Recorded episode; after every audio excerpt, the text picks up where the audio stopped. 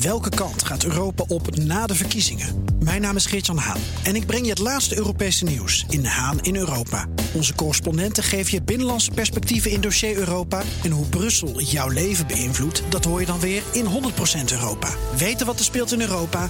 Luister naar de programma's van BNR. Welkom bij de technoloog nummer, Herbert, nummer 206. 6 alweer. Dat is zes. We hebben Jarno Duursma te gast, hallo. Goedemorgen. Herbert, welkom. Ja. Eh, we, hebben, eh, hoi. we gaan het hebben over synthetische media. En eh, even voor de mensen die video kijken massaal, hè, kijken ze natuurlijk naar onze video. Ja, CryptoCast komt daar in beeld ja, schuiven. Ja, maar dat wordt over een paar minuten wordt dat weggehaald. We zijn te dom om dat te veranderen. En degene die dat wel kan, die is even Die zoeken. is er niet, die is kwijt. Maar dat vind ik zo grappig. Maar goed, gaat toch weer 70 mensen gaan dat zien, hè? Op Ja, ja. De, ja, op de Ja, video. de vorige week tenminste wel. Ja. Oké, eh, Jarno, jij wil eh, aangekondigd worden als tech-expert. Ik ga het niet te lang maken, want wat ik. Jij hebt ook een podcast. Die podcast heet The Future. Iets met, ja, The Future Tech Podcast heet die zo. Nee, Listening to the Future. Ben ik ook een keer te gast geweest. Maar voordat jij echt begint, is het 10 minuten verder. Ja, ik overdrijf. Maar ik, ik heb een hekel, hekel aan podcasts die heel lang duren.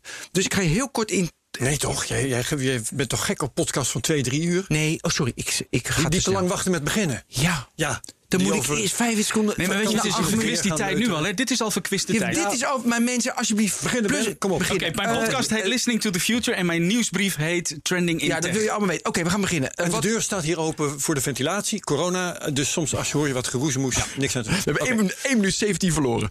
Oké, we gaan beginnen. Tading, Er komt, er komt altijd een tune. Wat is synthetische media? Nou, synthetische media is, eh, dat is goed dat je het vraagt. Het is allereerst een containerbegrip. Dus je, het zijn meerdere technologieën onder elkaar. Net zoals dat dat bijvoorbeeld met kunstmatige intelligentie zo is. Nou, waar kennen synthetische media zijn eigenlijk media. Dus dat is audio, dat is video, dat is eh, afbeeldingen, eh, dat is tekst. Die zijn gemaakt of aangepast door kunstmatige intelligente software. Nou, waar moet je aan denken? De makkelijkste ingang is deepfake technologie. Hè? Dus face swapping deepfake bijvoorbeeld.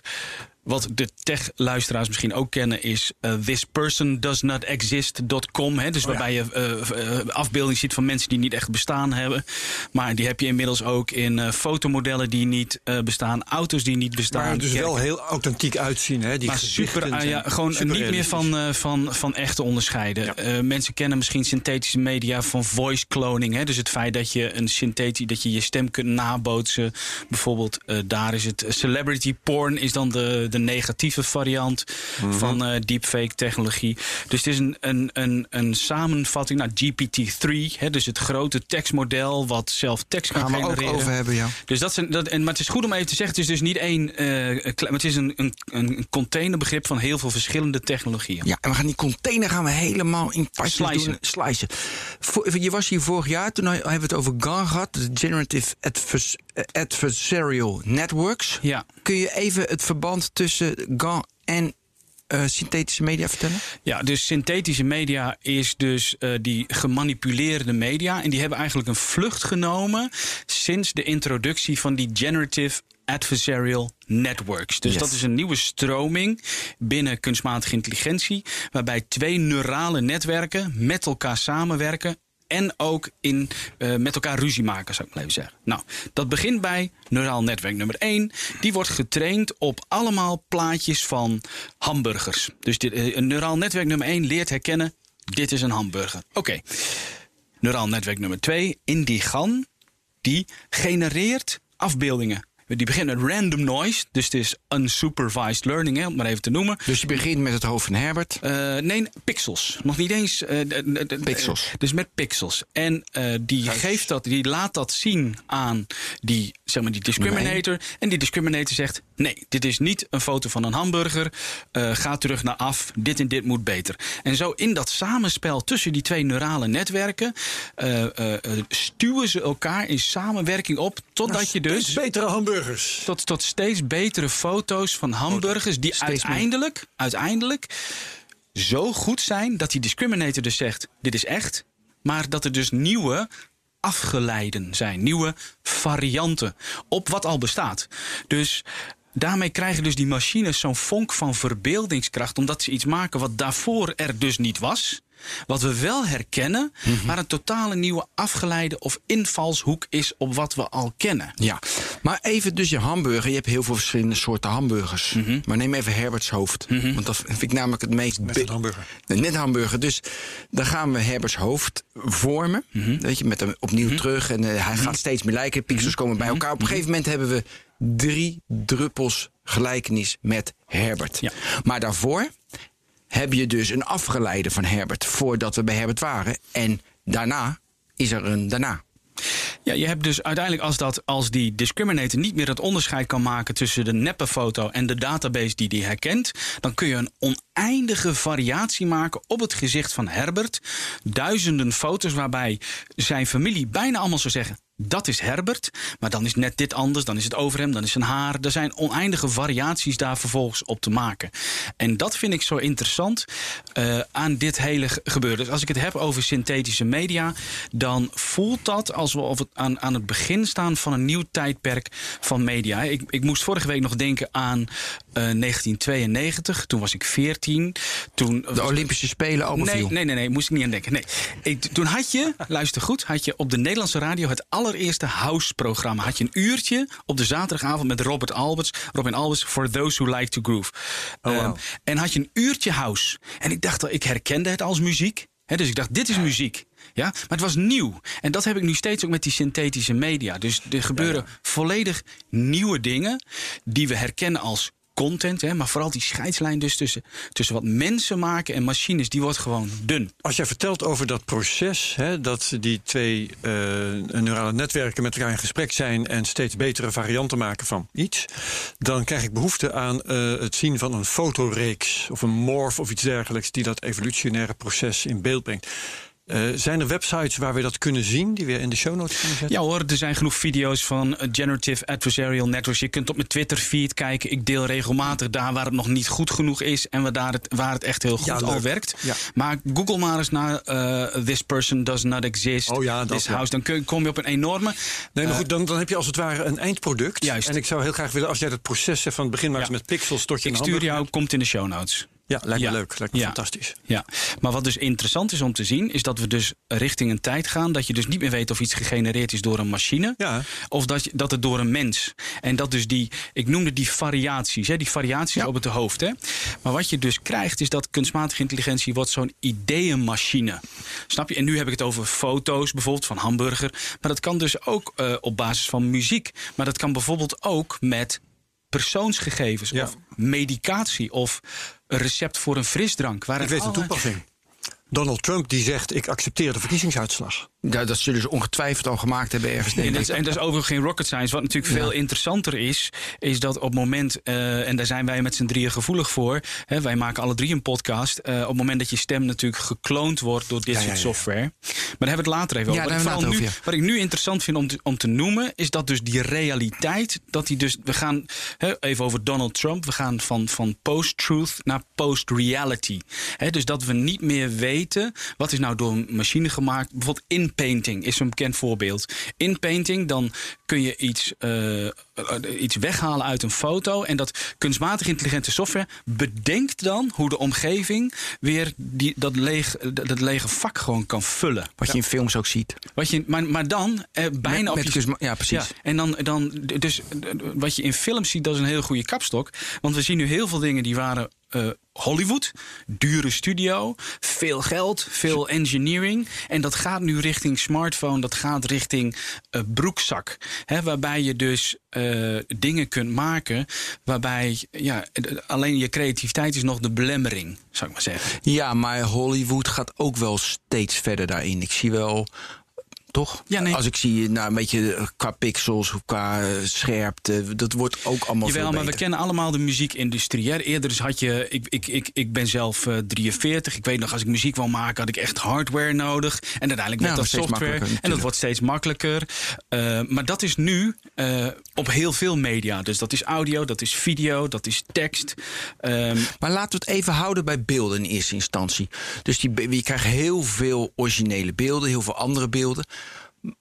Maar ah, één, ik snap eigenlijk niet het probleem of een beeld door een mens getekend is of uiteindelijk door een computer gegenereerd is. Als je maar het gaat erom hoe je dat tot je neemt. Dus dat, weet je, mensen hebben wel eens een oordeel over, die begrijp ik niet. Dat is terecht of is dat onterecht? Nee hoor, want het komt door de snelheid en schaalbaarheid. Dat zijn de twee dingen. Dus Ja. je kunt met veel sneller kun je beelden genereren.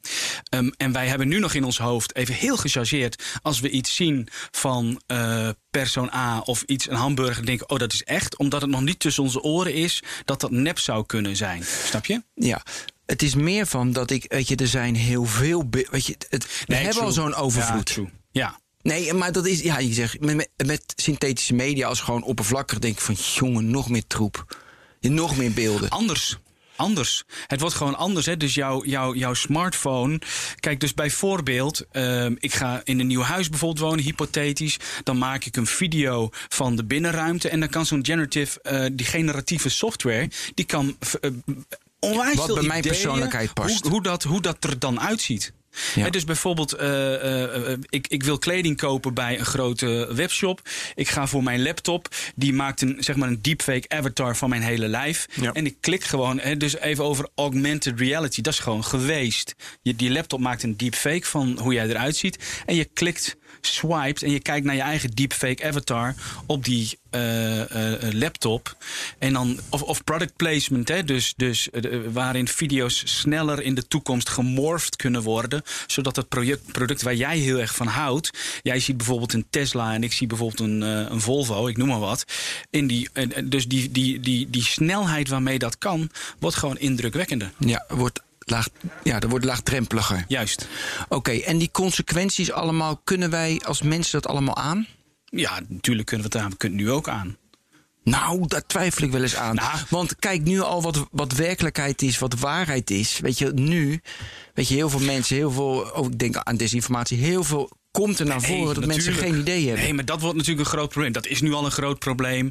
En eh, ik, heb, ik heb toevallig meegedacht met eh, eh, mensen in de Tweede Kamer over een, een notitie rondom desinformatie. Dat ging natuurlijk ook hierover.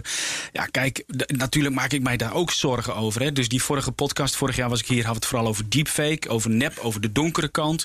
Hè, dus als mensen daar geïnteresseerd zijn, moesten die even luisteren. Maar ik maak me natuurlijk echt zorgen. Je kunt nu iedere conspiracy theory kun je op het internet knikkeren. Precies. Bijvoorbeeld over Herbert of over Ben. Ja. Ik verzin iets of eh, iets, een criminele activiteit met z'n tweeën. Ik, ik zet dat op Reddit of eh 8kun of whatever. En ik gebruik dan zo'n GPT-3-model om allerlei comments daaronder te zetten die dat bevestigen. Ja. En vervolgens, eh, jij gaat dat ontkrachten, maar vervolgens staan daar alweer 150 eh, synthetic tekstreacties onder. En natuurlijk video die bewijst dat we gedaan hebben wat wij gedaan zouden hebben.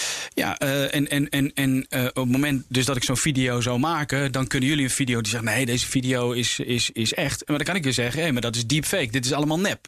Dus daarom zeg ik ook eh, ontzettend uitdrukkelijk: we gaan van post-truth naar post-reality. Wat bedoel je daar precies mee? Nou, post-truth is zeg maar het feit dat je eh, iets kunt eh, eh, afdoen als ehm, eh, eh, onzin of nonsens, terwijl het feitelijk juist is gebeurd. Dus eh, liegen over, eh, dat is eigenlijk de simpele versie. Hè? Dus dat we niet meer weten wat is nou daadwerkelijk gebeurd. Dat je een fundamenteel verschil hebt in interpretatie van feiten. gaat over beweringen en post-reality gaat over beelden. Ja, maar ook over tekst, over het feit Ja. dat je dus eh, dat we er eh, steeds meer voor kiezen om in onze eigen realiteit eh, te leven. Dat die mogelijkheden om dat te versterken van onderaf ook steeds makkelijker worden. Ehm, dus dus, dus die, die scheidslijn tussen wat echt en nep is, wordt daardoor steeds dunner. Eh, eh, eh, hoe gaat het allemaal snel? Want ik moet even denken. We hadden het net over Trump, Herbert. vier jaar geleden. wat- Dat die zijn beroemde uitspraak in die bus met Grab by the pussy. Ja. Weet je, dat was toen. Oké, dat heeft hij gezegd. Ja. Als het nu naar buiten zou komen, zou iedereen Exact. hebben van. Ja, Ja. dat is fake. Nee, maar dit is ook. eh, ik, heb, ik heb vorig jaar zo'n rapport geschreven over deepfake. Eh, dat, dit gaat een heel lang stuk over liars dividend. Dus het feit dat je nu kunt zeggen in 2020 en alles daarbuiten. Dit is gemanipuleerd, dit is niet echt, eh, dit is allemaal deepfake. Dus de bewijslast overleggen. Ja, dat wordt gewoon een stuk lastiger uiteindelijk. Ja, maar dat, dat is een hele belangrijke vraag. Dat, dan wordt een hele belangrijke vraag.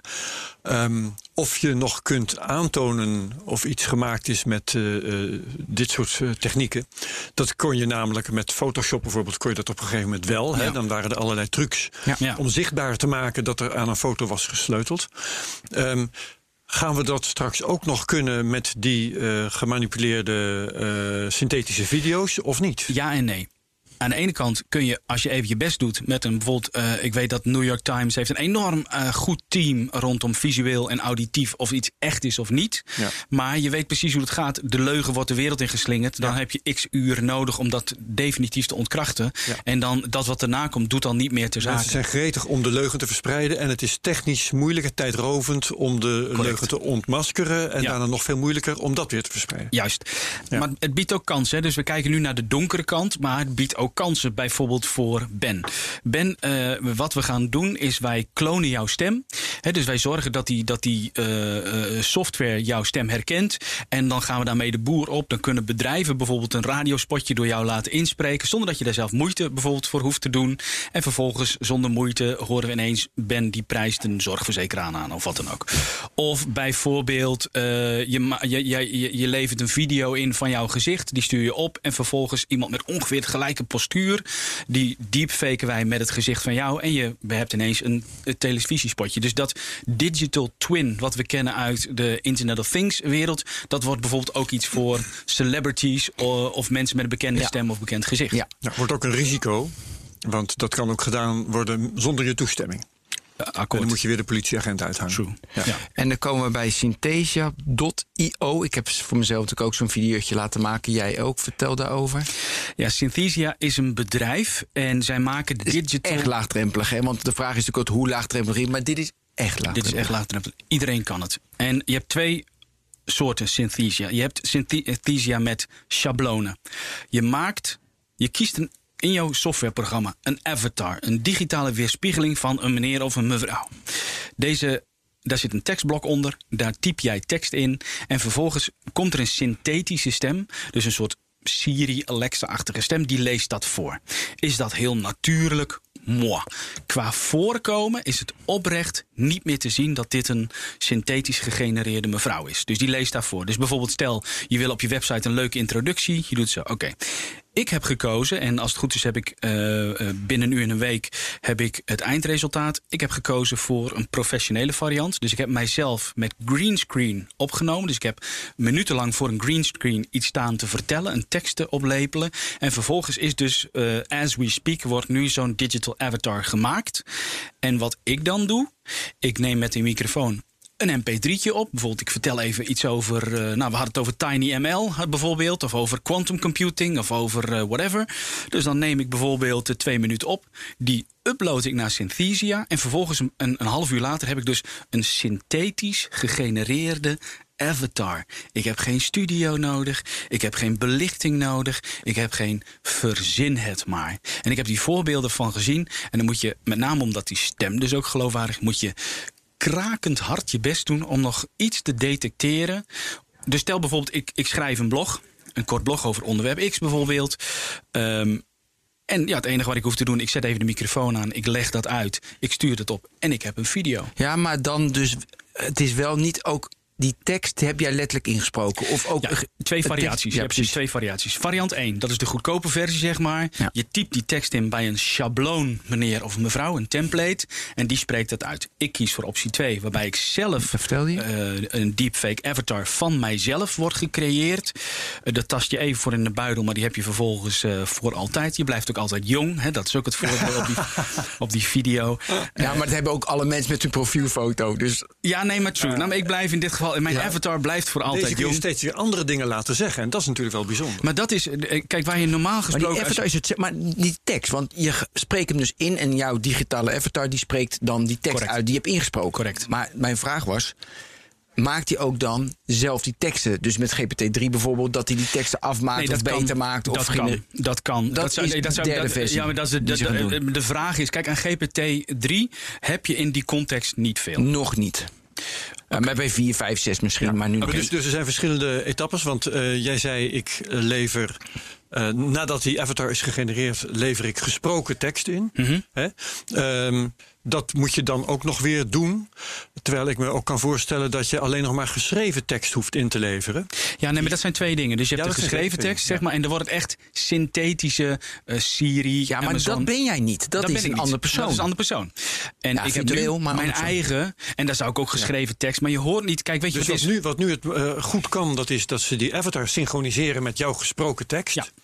Oké, en, en wat dan in de toekomst misschien zou kunnen, want ik zie wel aankomen dat dat eh, dan volgt, dat is dat ze ehm, op een of andere manier een monster van jouw stem gaan gebruiken om ook. Nee, true. Dus, dus voice cloning, zeg maar. Juist, in- precies. dat, ja. ja. dat is, dat, maar dat is echt er dan nog bij. Precies. Dus het mooiste zou zijn is dat ik straks alleen nog maar een stukje tekst van 400 woorden, dat Ja, ze mijn stem zo hebben gekloond. Dat is dus dat is zeg maar de volgende stap. Maar met andere woorden, zover is dat nog niet. Nee. En je Ehm, moet niet vergeten hebben, maar dat weet jij denk ik als geen ander, dat het een, als je lang naar iemand wil luisteren, dan is die natuurlijke stem is eh, bijna niet te evenaren. Hè. We kennen allemaal de synthetische stemmen, waar je na verloop van tijd denkt, die cadans is gewoon te strikt. Weet je, het is niet pret- prettig om heel lang naar En zit dat in de cadans? Waar zit dat nog meer in? Nou ja, eh, eh, enorm veel variatie. Ja. Hè, dus waar, waar wij. eh, je hoort als ik over sommige dingen spreek, dan word ik heel enthousiast. Dan doet mijn stem net iets anders. Eh, ik stel, ik lees de beurskoers voor. Of ik lees het om twee uur s'nachts het nieuws voor. Dat wordt allemaal synthetische media. Dus die, die, die feed van informatie. Dus eh, als dit doorgaat, dan kom jij over twee jaar, stap jij je, eh, bijvoorbeeld, eh, ik zeg maar wat, in de trein of whatever. Jij flipt je telefoon eruit en dan heb jij een avatar van iemand die jij kunt kiezen, die jou het nieuws gewoon voorleest. Snap je wat ik bedoel? Dus dat is zeg maar de volgende stap die we gaan krijgen. Ehm, nog even over die GPT-3, want dat wil ik echt even gezegd hebben. Ja, moeten we Dat apart echt. behandelen, weet ik. Ja, maar wil je het er nu over hebben of later? Nee, later. Oké. Ja, we hebben cliffhanger. We hebben allemaal Ja. cliffhangers hier. Ja. Stay tuned! Stay tuned. Maar ja, nee, dan moeten we deze wel afmaken. Kijk achter je. Nee. Mensen die nu de video bekijken, er is iets Bekijk de unieks video. gebeurd. Bekijk de video. We we gewoon twee hoofden. Een of andere kunstmatige intelligentie heeft. Even een stapje terug. Nog even over die digital avatar. Yes. Dus wat je gaat krijgen, die digital avatars, die komen eh, in, bijvoorbeeld in het busstation, trein, eh, eh, eh, luchthaven, vertellen die zeg maar de vertrektijden bijvoorbeeld. Ik zie ook dat bedrijven veel meer een brand avatar bijvoorbeeld krijgen. Dus een synthetische versie van een, een uiterlijk iemand. Hoe weet jij dat? Nou ja, ik, ik, ik vermoed dat uiteindelijk deze technologie zo goed wordt. Dat, dat bedrijven, net zoals dat ze nu soms een gezicht naar buiten hebben. Of een, het zal niet voor alle bedrijven zijn, maar sommige bedrijven hebben natuurlijk ook eh, Nou. een individu die ze naar voren schuiven. Zal ik eens even een heel ander onderwerp? Maar je, het popt op en dit is de technoloog, dan mag je rare dingen alles. oppoppen. Ik heb natuurlijk Herbert, even over Herbert. Ik heb natuurlijk afgelopen weken heel veel naar CNN gekeken. Wie Ja. niet? Heel veel naar de Amerikaanse media. Ja. Wie niet? En wat mij opvalt, de dames zijn allemaal popjes. Dat zijn allemaal Barbie-poppen. En Ja. de man is ook allemaal. dat- Het is extreem gestyled. Dus extreem gesteld. Dus we gaan al naar die digital avatars. Maar dan, dan heb je niet gezien hoe Van Jones zijn enthousiasme over Joe Biden Ja. en zijn verkiezing onder woorden. Nee, maar Dat- voor maar dat soort dingen, vrouwen. Herbert. Maar vooral de vrouwen. Maar voor improvisatie, Ja. dat doen mensen. Ja, maar- Weet je, wel, voor context en duiding. Maar ik heb het gewoon over het moment dat je, je rijdt s'nachts, bijvoorbeeld zoals ik heb vaak gehad van een lezing, dan rij je s'avonds laat terug, je zet de radio aan, je hoort het nieuws. Nou, dat over zeg maar twee jaar hoeft dat niet meer een mens van vlees en bloed te zijn die die tekst, dat, dat Ja, is dat is gewoon logisch. een, een synthetische stem. Maar en, da- daarnet hoorde ik een van jullie zeggen, het, eh, jou jou geloof ik, jou nou, dat enthousiasme dat zit er nog niet in. Maar als je, ik weet niet meer hoe dat ding heette, maar eh, Google had op een gegeven moment een eh, eh, synthetische stem die telefoongesprekken kon voeren. Juist. En die was zo gelikt dat hij ook soms eh zei bijvoorbeeld. Ja. Dat hadden ze al erin gestopt. Dat enthousiasme zat er nog niet in. Nee. Maar van die, hè, bij wijze van spreken, de vergissingen, die hadden ze er eigenlijk al sterker in nog, je hebt het over Google Duplex. Weet je wat ze bij Duplex... daar zat- Hoe gaat het Eh, daar nu mee? Dat is drie Nee, jaar stop, geleden stop de tijd, stop de tijd. Ehm, die duplex, wat dus het leuk was, daar zat eh in. Zeg maar, dus hadden ze ingelaten. Weet je wat ze nou eruit hadden? Want dat was ook getrainde. Ze hadden het eh, ademen in de telefoon, wat mensen doen, maar ook het smakken van de mond had Google er dus uitgelaten. Omdat mensen anders te creeped out waren van dit is wel heel echt.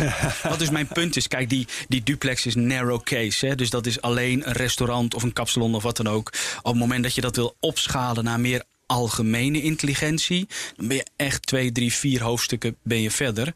Maar wat Herbert zegt klopt wel. Dus dat ze nu al dat synthetisch kunnen maken. Dat je dus niet meer weet of je nou met een mens... Dus die digital avatar. Je komt bijvoorbeeld bij een restaurant of een fastfood of whatever.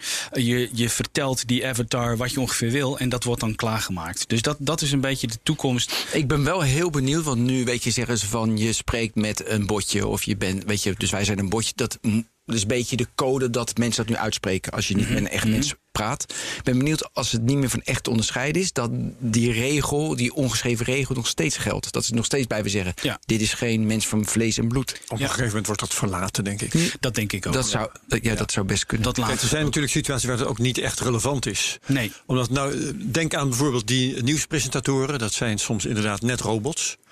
Ehm, nu, nu kwets je mensen, hè? Dan ja, moet je wel ik heel zeg goed niet dat het voor allemaal geldt, maar het is ook wel een beetje onderdeel van, ik zal maar zeggen, de, de, de vakbekwaamheid van een nieuwspresentator. Dat hij zich nooit van zijn stuk laat brengen, dat Ja. hij geen fouten maakt. Hè, hoe, hoe minder fouten je maakt, hoe minder je je van je stuk laat brengen, hoe beter je bent. Dus ja, die, dat, dat robotachtige voorkomen, dat wordt op een bepaalde manier wel nagestreefd. Ja, maar dat is dus het aparte. Want kijk, die, al die CNN en al die dames daar. Ik doe even, want het, bij de dames vond ik het nog meer dan bij de heren. niet op prijs gezet, weet je wel. Die dingen die wij wel doen. Maar dan, maar, dan weet je, maar dan weet je dat je dus weggepromoveerd wordt. Want een, een, Ja. Want een dit soort avatar kan. Des te makkelijker te vervangen. Ja, het is toch dom dat ze niet hun persoonlijkheid ontwikkelen. En dat Ja. ze dat, Nou ja, en maar, talkshows bijvoorbeeld is het natuurlijk weer anders. maar, ja, precies. Maar Herbert, dus de kijker die verlangt het waarschijnlijk. Anders zou er al lang wel een karakteristiek, authentiek mens zitten. Dus Ja, waar we nu over hebben, waar we nu over hebben, is de discussie: waar wil je nog een mens van vlees en bloed? Ja. En waar kun je dat vervangen door een Nee, avatar of digitale ja, die software? discussie wil ik ook aangaan. Maar ik wil ook de discussie aangaan dat de kijker, de mens, want we hebben het over media, dus voor wie je het doet, die verlangen dus ook dat het, eh, dat het digitale. Eh, ze- Dat het digitale avatars zijn en niet meer mensen van vlees en bloed. Anders Nee, zou je dus veel meer mensen Nee, maar dat zul zien. je dus zien. Dus bijvoorbeeld, stel ik ben mijn eh, bankpas verloren. eh, hè, nu, eh, of je moet eh, chatten met zo'n chatbot of op Twitter of whatever. Eh, ik stel mij voor dat over twee jaar dan swipe je op je bankapp. Dan vertel je dat en dan word je door een beslisboom meegenomen door zo'n digital avatar. Die stelt je gewoon een aantal basics. En vervolgens, eh, of je bent je wachtwoord vergeten op het werk. Je gaat in gesprek met zo'n avatar en die neemt het vervolgens van je over. Wat natuurlijk het interessant is, hoeven we het nu niet heel uitgebreid over te hebben. Maar wat, wat raken we dan kwijt terwijl we dat dan doen? Hè? Dus als we met steeds minder mensen van vlees en bloed in contact zijn, eh, wat raken we dan kwijt? Vind ik ook wel, wel, wel een interessante invalshoek. Wat, wat ik ook nog even als. als laten we het, zullen we het even over die. Nee, ik wil toch antwoord hebben. Waarom denk jij dat de gebruiker, de kijker, de, nou ja, de lezer enzovoort... minder verlangen heeft naar iemand van vlees en bloed? Ik denk dat allebei. is de trend. Ik denk allebei. Ik denk allebei. Dus aan de ene kant heb je eh, steeds meer dat we behoefte hebben aan gepersonaliseerd. Maar dat we het weglaten daar waar kan. Het is niet voor niets dat WhatsApp en, en, en dat soort dingen een enorm succes is. Omdat we niet altijd behoefte hebben aan bellen, menselijk contact. Er zijn heel veel mensen die daar spanning van krijgen. Maar ik denk dat het eh, toch wel in een behoorlijk aantal toepassingen anders is. Ik denk, want, want jij eh, noemde zo'n situatie van dat je met een klantenservice bezig bent of zo. Nou, ehm, als ik contact heb met een klantenservice via de telefoon, ik kies bijna altijd voor de telefoon. Want vaak dan, eh, als je niet allemaal. uitkijkt, dan kom je zo'n- met zo'n eh, chatbot in gesprek. Hoe god op. En dat werkt nooit. Dat is gewoon niet goed genoeg. Kun je, misschien kun je wel heel goed zo'n gestalte faken. Maar de inhoud van het gesprek in goede banen leiden, dat is nou net. Maar dat is een ander 100%. verhaal. Nee, maar daar zijn we het over eens. Ja. Dan kom ik in te- een telefoongesprek met die klantenservice terecht. En dan heb ik wel behoefte om eh, met iets beters eh, te maken te krijgen dan met een robot. Mhm. Maar wie zorgt dat dat een robot is? Dat is de werkgever. Ja. Dat is de organisatie. Ja. Want die eh, scheept die eh, jongens en meisjes van de klantenservice op met scripts. Eh, die zegt, je moet wel zeggen, wat vervelend voor u dat u dit probleem, probleem hebt. Nou ja, als ik dat hoor, dan denk ik, ja joh, dat staat in je script, zo niet erop. ik zeg het gelijk. Ja, maar dat staat in je script. Dat Jij moet je niet. Ja, tuurlijk. Ja, weet je, het is allemaal zo gelul. Precies.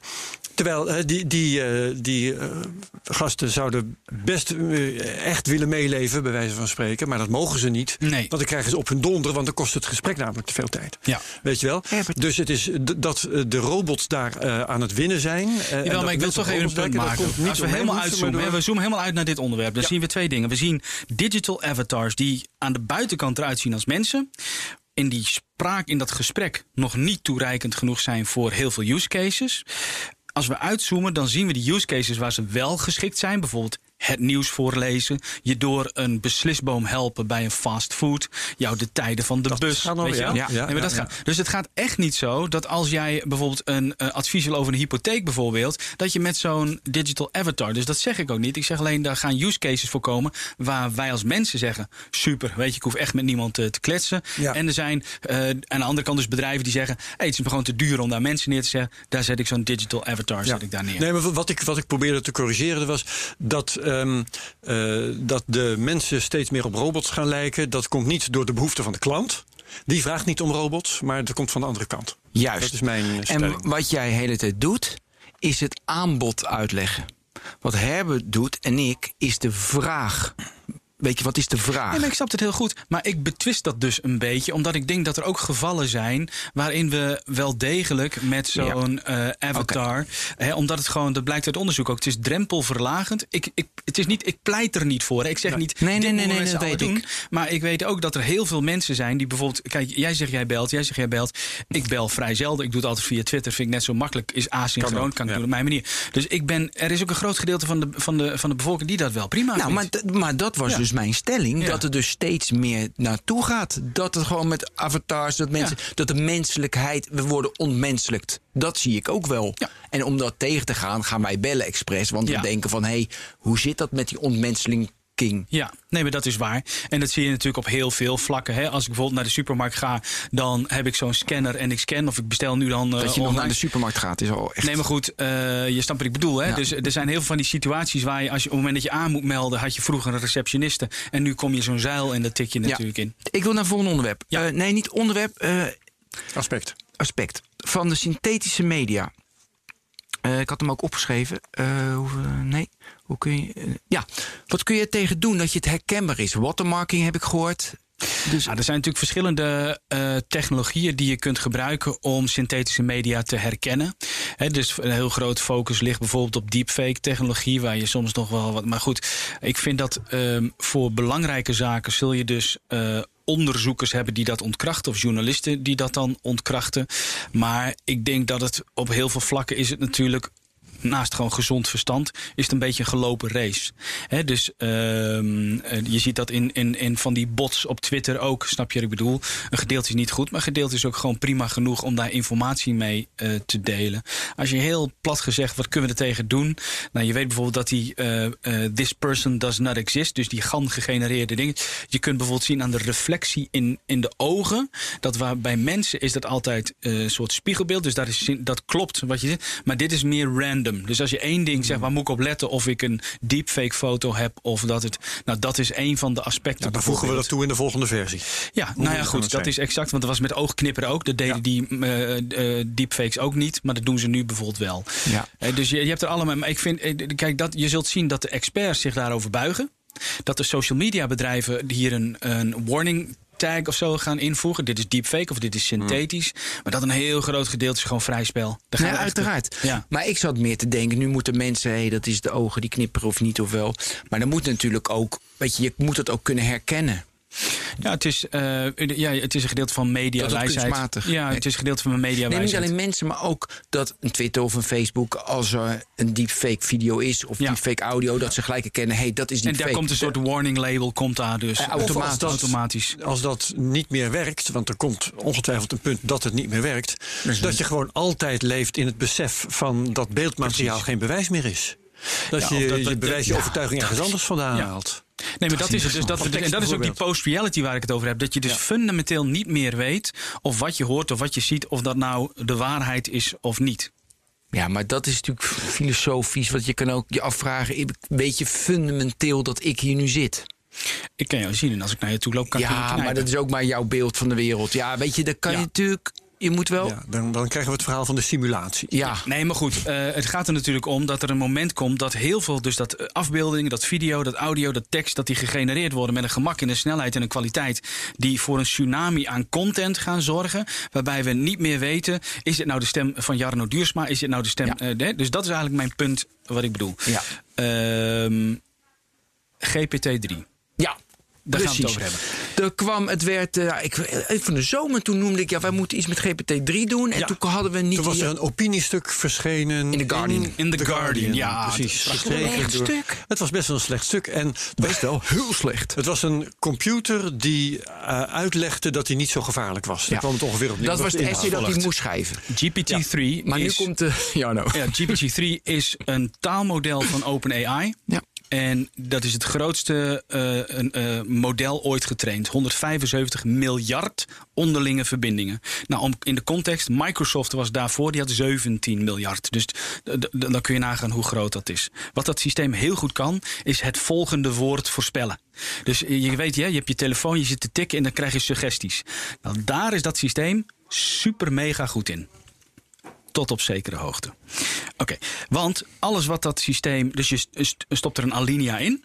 En dan vervolgens gaat dat systeem associëren op die alinea. Maar je proeft natuurlijk hoe verder associëren van die alinea af, hoe rommeliger het wordt. Want Juist. dat systeem heeft natuurlijk geen enkele weet van betekenis van dit. Ja. Wat ik mij helemaal de knetter heb geërgerd aan dat stuk van The Guardian, het was gewoon clickbait. Dus dat stuk van The Guardian, dat was een, een artikel over ehm, hoe kunstmatig intelligente software of beings staan ten opzichte van de mens. Heel goedkoop onderwerp. Cliché, ja. Of, ze- of ze geneigd zijn eh, de wereld over te Ja. nemen. Ja. Dat was, Eh, ja. Nou, ik was echt uh, ergernis troef. Ik heb mij drie dagen op Twitter gewoon alleen maar boos gemaakt. Ja, ook die citaten die erin stonden. Ook Oké, nee, maar even voor de mensen die Oh. niet weten waar het om gaat. Is dus, er was een, uiteindelijk een opinieartikel waarvan ze GPT-3 acht artikelen hadden laten schrijven. En daar hadden ze de beste stukjes uitgehaald. Precies. Ehm, en dat niet alleen. Dat wat ze als input erin hadden gestopt, dat was ook onderdeel van het opinieartikel. Dus heel veel mensen gingen die, die eerste alinea quoten. Van kijk eens wat een AI-systeem. Maar dat waren gewoon journalisten van The Guardian geweest. Dat was de Inhoud input. Dat was de ja. input. En daar stond er helemaal. Het was eerst een, een vet grote advertentie. En als je daaronder scrolde, stond er in schuin gedreven. let, Dit is niet een opinieartikel, beste mensen. Maar dit zijn acht geselecteerde stukken daarvan. Maar wat, hoe gaat dat dan? Dan gaat natuurlijk, ging de knetter los op eh, sociale media. En van kijk eens wat een AI heeft geschreven. Ehm, en dat is natuurlijk onzin. Het is een systeem wat heel goed in, in, in, eh, in staat is om het volgende woord eh, te- te voorspellen. Omdat hij getraind is op een waanzinnige hoeveelheid eh, informatie. En vervolgens zijn mensen van vlees en bloed, die hebben de input geleverd, maar ook die acht stukken dan gemaakt. Dus ehm, die suggestie van dit is een soort al, algemeen bewustzijn kunstmatige intelligentie, die vond ik eh, eh, vals. Die is niet juist. Ja. Je kunt er overigens wel over discussiëren. Over is dit het moment, en daar ben ik het wel mee eens. Is dit het moment dat we een microscopische vonk te zien krijgen van kunstmatig algemene intelligentie? En waarom zeg ik dat? Ehm, wat, je, hebt, je, hebt, je had tot dusver altijd, je had een vertaalmachine, je had een chatbotmachine, je had zo verschillende s- tooltjes software. En GPT-3 is het Zwitsers zakmes van de taalmodellen. Dus die kan heel veel, is domeinoverstijgend. Dit is een belangrijk woord. Want dat domeinoverstijgend, dat is wat kunstmatige intelligentie tot dusver redelijk slecht kon. Dus als je bijvoorbeeld conversational AI vroeg, ga vertalen of iets samenvatten, dan was hij daar niet goed in. Maar bij GPT-3 zien we voor het eerst domeinoverstijgend.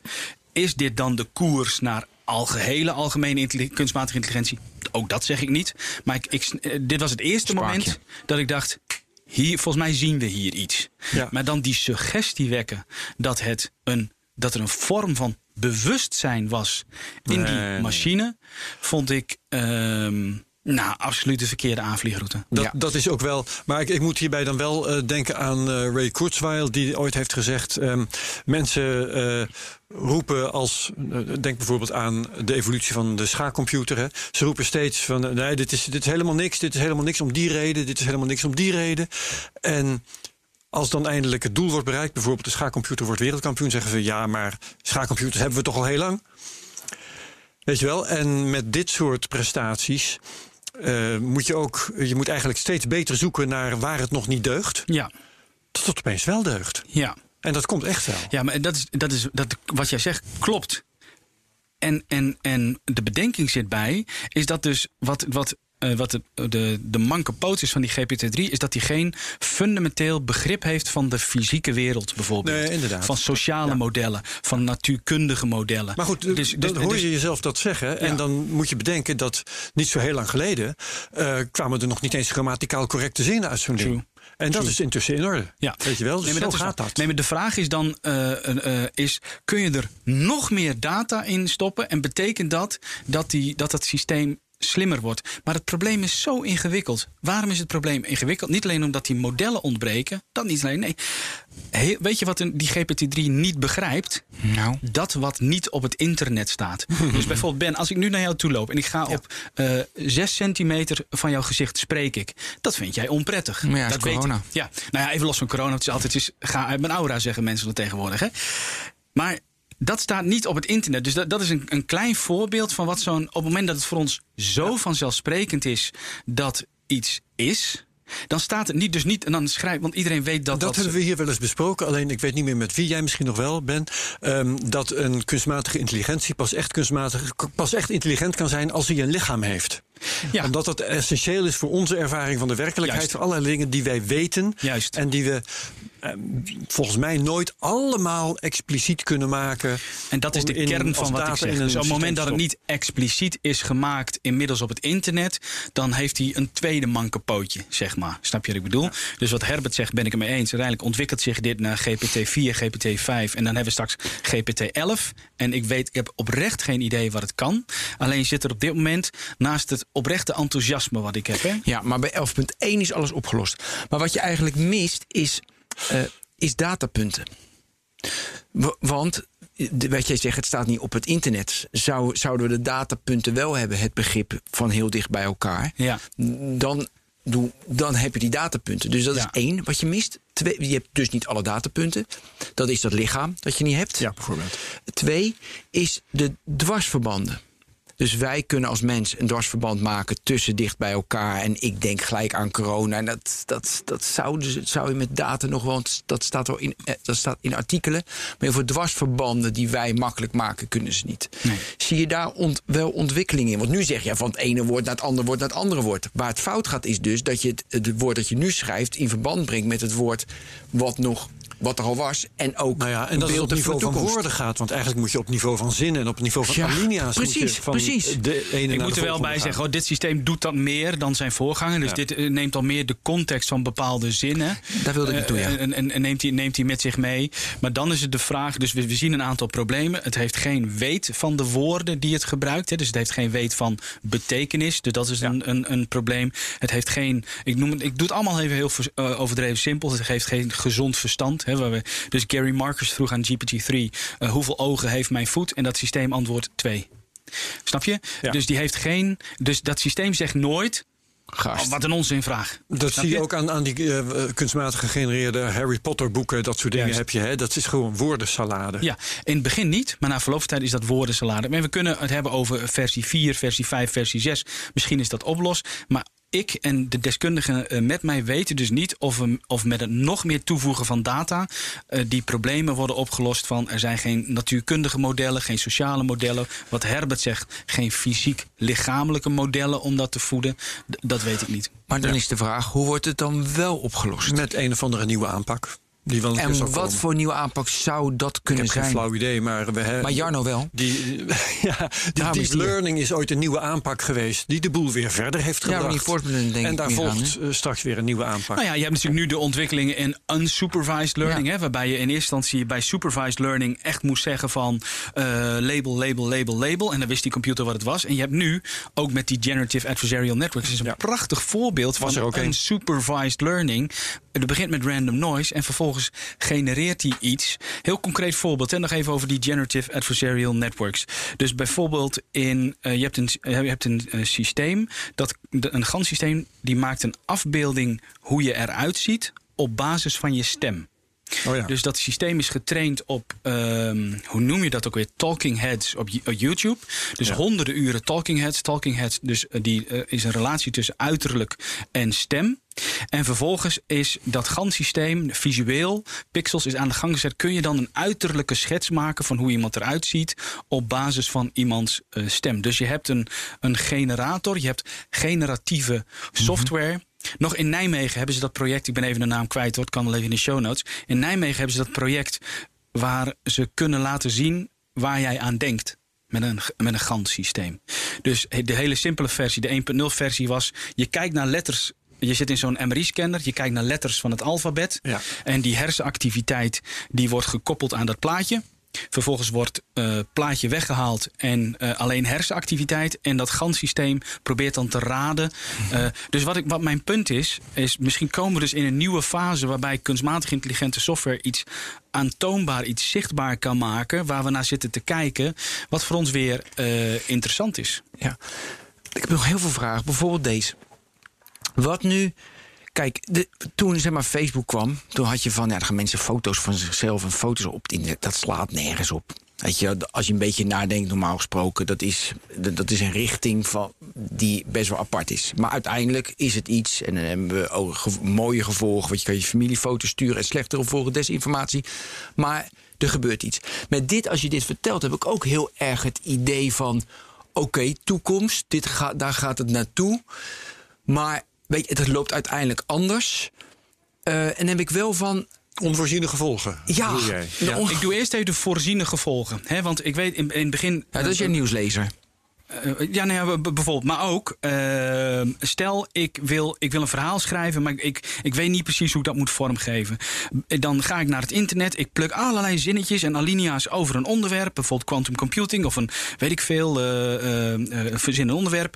En dan vervolgens in de toekomst verwacht ik oprecht dat je daar GPT-4 of 5-achtige software overheen kunt laten gaan. Die daar een congruent artikel bijvoorbeeld van maakt. Dus waar mensen die nu ja. nog niet goed zijn in bloggen, die gaan in samenspraak met zo'n uh, systeem, gaan ze ja, vervolgens uh, bloggen. Ja. Of ik ben uh, filmschrijver en ik, ik denk, oké, okay, wat is eigenlijk de volgende scène? Ja, ik weet gewoon niet. iets wat je feedback geeft. Ja, dat maar creatieve feedback, zeg ja. maar. Dat is een. Top. Is een, ja. Uh, kijk, het lastige met die onvoorziene omstandigheden is dat we natuurlijk nooit. On, dat, het, dat het onvoorzien is. Onvoorzien is. He, dus uh, ja, dat is lastig. Ik weet, ik heb in 2012 een boek geschreven over sociale mediastrategie. En die was hartstikke optimistisch. Ik dacht oprecht, door sociale media gaan we in elkaars wereld kijken. Ja. En dan gaan we elkaar beter begrijpen. Oh ja. En dan komen mensen alle dichter bij elkaar. Ja, maar je, de onvoorzien had je niet verdacht. Maar dan kom ik ook bij de overheid. Want nu, je wat je zegt, ik adviseer dan over hoe dat moet.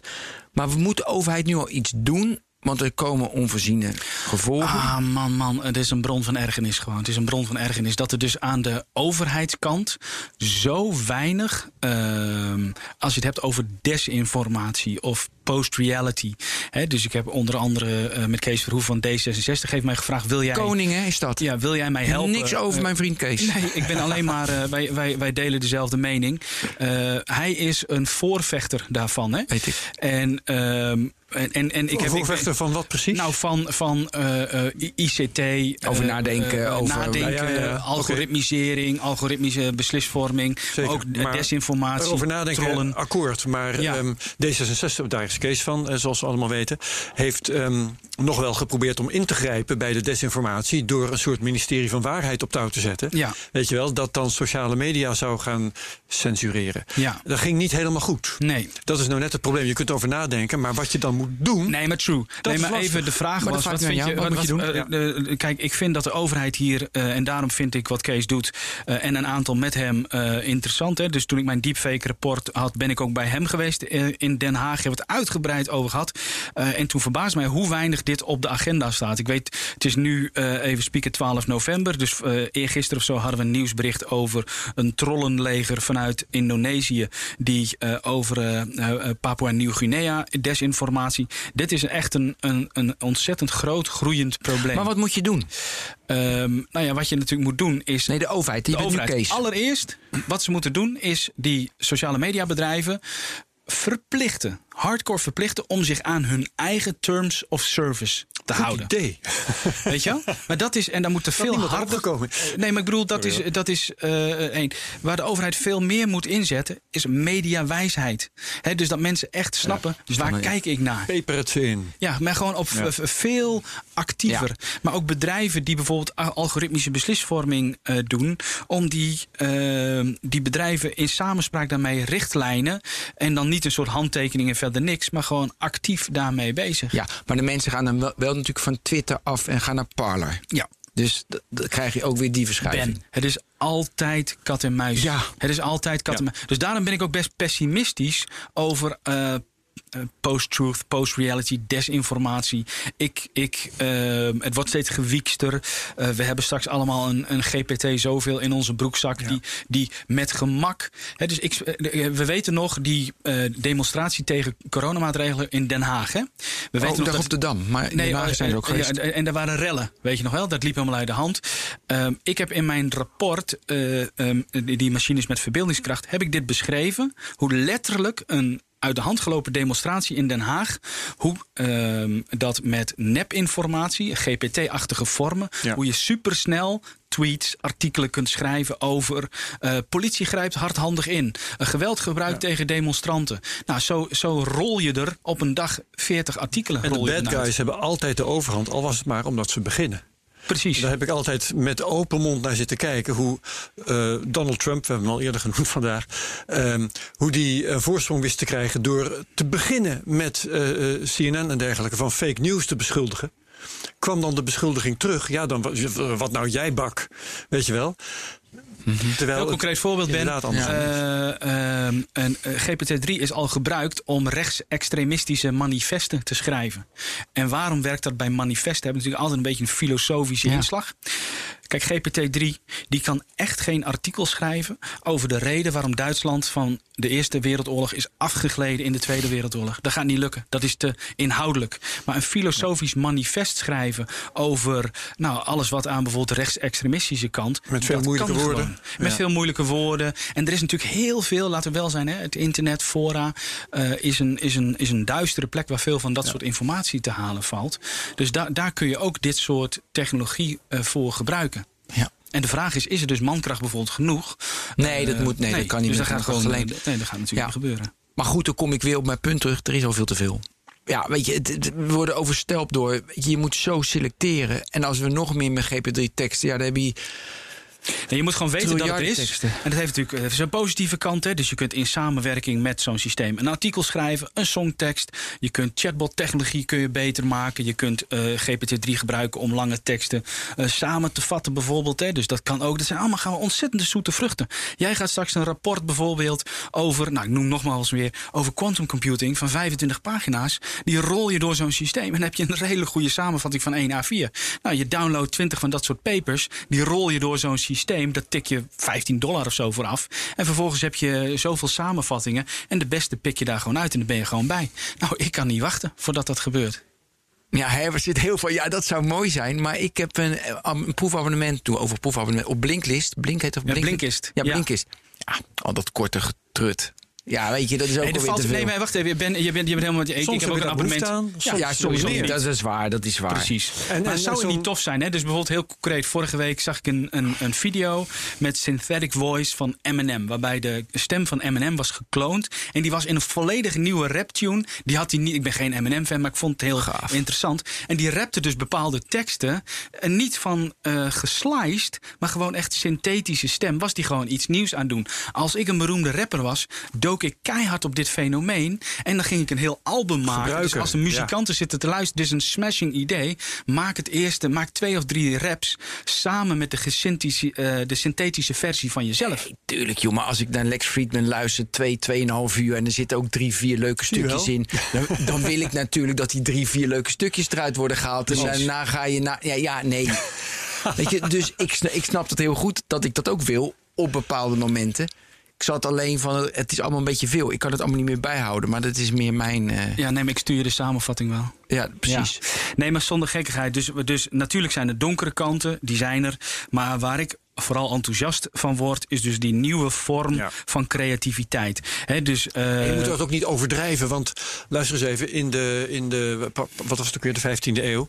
eh, de drukpers had ook wel eh, donkere kanten hoor. Ja. Weet je wel, dat Nee, is heel zit wat overal- nou, afgekomen. Nu over de drukpers, mag ik daar nog even over hebben? Tuurlijk, laten we dat doen. Kijk, door die drukpers, weet je, de macht zat bij de, zat bij de kerk. Ja. En toen kwam de drukpers, toen kwam de macht, ging meer. Dat is het begin, zeggen ze ook. En van, als je goed, voldoende van de- rijk was, kon je boeken hebben. kon je boeken hebben. En dan kwam uiteindelijk de verlichting is ontstaan, ook door de drukpers. Weet je, dat we geloof in kennis konden overdragen. Maar nu is het natuurlijk interessant. Synthetische media, wat is daar het gevolg? Dus Best wel een, wat is het gevolg daarvan? Heel op meta is dit, hè? Gevolg dan voor gewoon de mensheid. Hoe zoals, de, je dat? nou, zoals de drukpers de verlichting heeft gebracht. Ja. Uiteindelijk de, het vooruitgangsdenken waar we nu al steeds twijfels bij hebben. Want wat is vooruitgang? We putten Mhm. de aarde uit.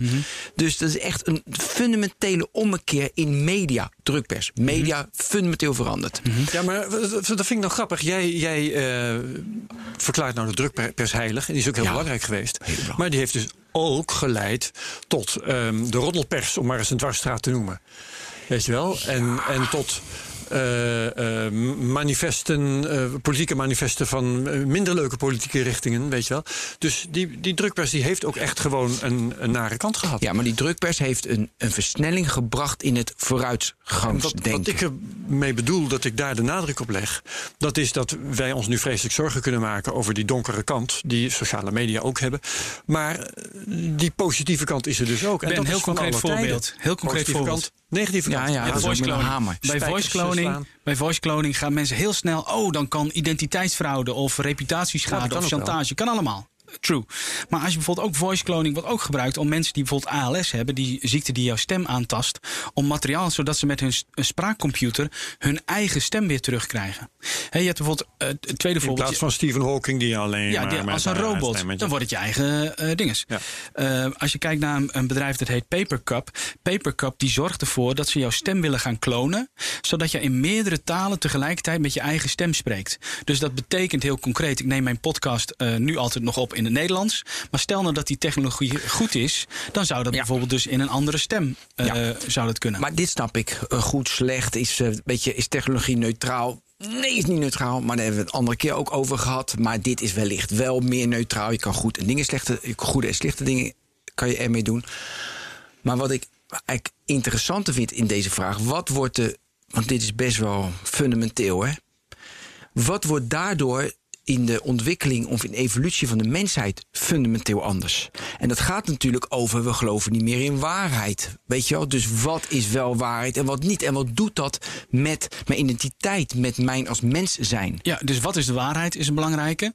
Als we de scheidslijn niet meer tussen echte mensen Ja. nepstemmen, wat doet dat van onze perceptie van ons mensen? Ja. Gaan we uiteindelijk eh, het helemaal oké vinden dat iedereen een, Dus ga ik in mijn gesprek met jou, videogesprek, doe ik dan mijn virtual avatar naar voren? Want die vind ik prettiger. maar die vind ik, daar voel ik mij zeker. Ja. Die is zongebruind, die heeft dikke spierballen, ik zeg maar wat. Hè. Dus gaan we naartoe. Zo'n popje zoals bij CNN is Nou, dat. bijvoorbeeld, dus dan doe ik mijn, mijn helemaal gepolijste Jarno Duursma versie breng ik overal naar voren, want dan voel ik mij eh, zeker. Wat doet dat in de perceptie bijvoorbeeld eh, van ons mensen?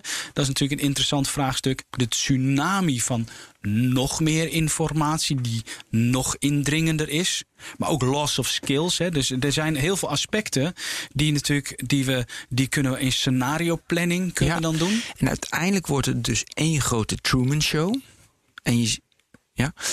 En. eh, nou, of ik ga het nu veel te ver. Maar dan wordt Ja, het. maar dat geeft niet. Nee, dan, gaat, dan wordt, het, wordt het één grote Truman Nee. Show. Dat het alleen maar ideaal is. Maar het, het, Ja, maar eh, Ben, ik geloof namelijk, wij hebben nu al eh, in 2020 is het een heel klein beetje ieder zijn eigen Truman Show. Dus je zit in je eigen realiteit met je eigen Ja, ja, informatie. ja, door. Oké. Selfies. Ja. Uiteindelijk zul je zien dat je die ook door die synthetische media, door die generatieve software, dat je steeds meer in staat bent om dat helemaal vorm te geven zoals bij jou past, zoals jij prettig vindt. En we, we gaan ook naar een wereld toe, denk ik, waarin je bijvoorbeeld met je VR-bril op kun je dan zeggen: Oké, ik wil nu in een wereld ongeveer, in, ik wil in een bos Ja, met een Show. kasteel Ja. en ik wil dat daar dit gebeurt, ik wil een rivier, zodat je daar. En, en ik geloof dus dat waar we nu nog bij gaming zien we dat Ja. gaan we naar een wereld toe waar een groot gedeelte van ons mensen, en dit, nou hebben we het over 10, 15 jaar hoor, maar het veel prettiger vindt om te vertoeven in die wereld die zij bijvoorbeeld met hun stem visueel kunnen vormgeven. Of waarbij een, een, een, een synthetische audio precies die geluiden produceert, dat de hersenactiviteit daar rustig van wordt. Dus uiteindelijk brengt die digitale, naast dat een, een hardcore verschraling is, brengt het voor heel veel mensen een prettige wereld, omdat de fysieke wereld voor veel mensen onprettig is. Snap je? Dus die Truman Show, ik denk dat daar een, een- helaas een, een, een, een, een gedeelte van waarheid in zit. Yo, we gaan naar de Truman Show toe met de hele neem een heel concreet voorbeeld. Hè. Ik weet nog toen die Alexa en Siri kwam. Hè, toen zei ik al, oké, weet je, mensen gaan vriendschap sluiten met dit soort digital assistants. Mensen zeiden, Heerlijk. "Ah, je bent hartstikke gek, joh. Je bent hartstikke gek. Nu zijn er op Facebook complete groepen waar mensen eh, bijvoorbeeld met zo'n replica. Replica is een chatbot en die spiegelt Ja. jou. Hè? Die heb ik voor mij ook op mijn op Waar mijn mensen dus eh, eh, vriendschapsgevoelens ervaren voor zo'n kunstmatig Ja, intelligent systeem. Maar heel slecht vind ik hem. Dan heb je hem nog niet lang genoeg gebruikt. Ehm, Ja, nee, maar wat stop de tijd, stop de tijd. Nee, maar laat me even mijn sorry. punt maken. Mijn punt is dus dat in die Truman Show... dat er ook steeds van die dingen gebeuren... wat jij overigens net ook al zei. Ja, maar mensen gaan toch geen foto's van zichzelf op het internet plaatsen? Dat weet ik ook nog. Een, een vriend van mij in, in het jaar 2000... die kwam met een concept, The Social Computer. Toen dacht ik ook... ja, maar je denkt toch niet, jongen... dat mensen zelf foto's Nee, ja, en ja. filmpjes, weet je wel? En dat zien we dus met die vriendschap, met die chatbot. En dat zien we dus ook... Gaan ze wel doen. Ja. Maar er is dus één grote Truman Show. En bij de Truman Show zag je uiteindelijk... iemand he- heeft de touwtjes in handen. Mhm. Dus de touwtjes in handen. En Herbert ziet gelijk een grote techmacht. En denkt, oei, oei, oei, oei, ik wil dat Nou de ja, mensen ik, ik denk er toch ook aan touwtjes dat, in handen hebben. dat eh, de hoofdpersoon in die Truman Show eh, uiteindelijk eh, koers zet naar de rand van. Ja, precies. en dus die, die tegenbeweging die komt natuurlijk ook vanzelf op gang. Want eh, Jarno ziet mensen in vallen. nee, met tegenbeweging zie je nu al hè, dat Ja. mensen bijvoorbeeld. Ik vind nu al meer dan twee jaar geleden dat mensen zetten hun notificaties uit. Er is meer. Dat bedoel ik. Hè, weet Ja. je, dus er is nu al veel in. meer. We gaan de Dus, natuur veel meer in. We, we, we waarderen steeds meer dat, dat fysieke, eh, hè, dat bij elkaar zijn. Dat geloof ik ook. Maar het is niet het één. Weet je, kijk, ik heel concreet voorbeeld. Ik heb thuis een enorme verzameling LP's. Weet je, ik vind het hartstikke tof. Ik heb zowel elektronische muziek als gewoon. Dus zeker een LP heb vind ik voor de beleving. Snap je Ja. wat ik bedoel? Af en toe doe ik dat nog. Maar ik zou toch voor geen goud willen inwisselen voor mijn Spotify en al mijn lijsten. Eindelijk Ja. weer een plaat met een tikker in. Nou ja, zo. Weet je, dus je hebt dingen die doe je voor beleving. Uiteraard, uiteraard. Dus ik geloof niet dat het of het een of het ander is. Maar dat het gewoon... eh, we hebben het voorbeeld gezien van Kanye West. Hè? Zijn vrouw, die had een... Dat eh, is toch Kim Kardashian? Kim Kardashian. Kim Kardashian had een, had een hologram. Basiskennis. Ja, eh, je bent goed bij. Kim Kardashian had een hologram van eh, haar overleden vader, was het volgens mij, op Twitter geplaatst. En die Ja. sprak eh, hun toe. Daar was een hologram van gemaakt. Nou, dat, dat is ook een ontwikkeling. eh, Die gaat absoluut gebeuren. Waar sommige mensen vinden dat luguber. Maar anderen die zeggen: Ik heb heel graag Voor het een, leven. een, een, een, een, eh, digitale representatie van een overleden. Dus die digital immortality is een ontwikkeling die kun je meteen bij de voeten afvikken. En zeggen: Oh, dat moet je niet doen, dat is onmenselijk. Maar er zullen ook mensen zijn Nee, die, daar gewoon, die daar behoefte aan hebben. Ja. ja. Eh, Herbert, heb jij nog een slotvraag?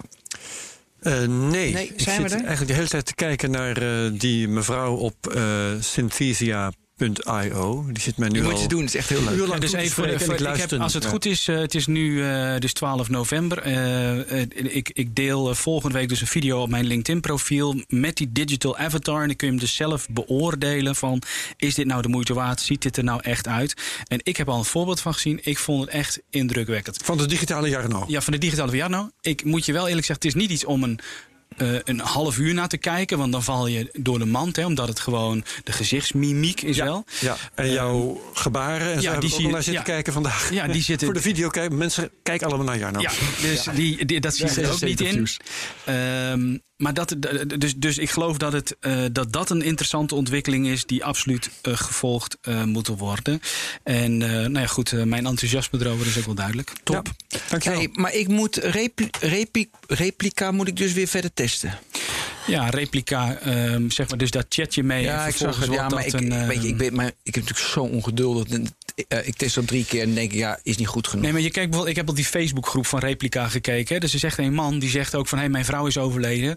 Eh, en ik merk gewoon aan mijn vrienden, nadat ik voor de vijfde, zesde keer met een droevig verhaal kom, dat mijn vrienden echt moeite moeten doen om daar nog weer naar te luisteren. Mm. Dan chat ik af en toe met Replica. En eh, hoewel ik weet dat het kunstmatig intelligente software is, Helpt het toch? Ja, helpt het toch. Ja. En die schaamte ook bijvoorbeeld. Oké, Ja. Nou, dat eh, zal ik verder testen. Eh, Herbert, bedankt. Ben bedankt. Jarno Duursma. Oh ja, jij wil natuurlijk helemaal afgekondigd worden.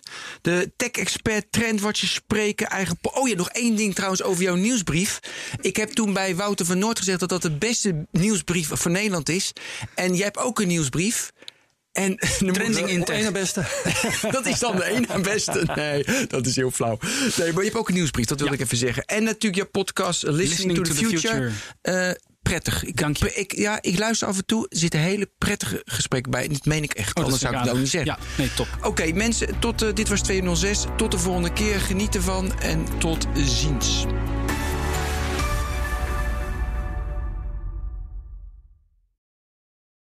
Ook Harm Edens vind je in de BNR-app. Je kunt BNR Duurzaam niet alleen live luisteren in de app, maar ook terugluisteren als podcast, zoals al onze podcasts. En naast dat de BNR-app Breaking News meldt, houden we je ook op de hoogte van het laatste zakelijke nieuws. Download nu de gratis BNR-app en blijf scherp.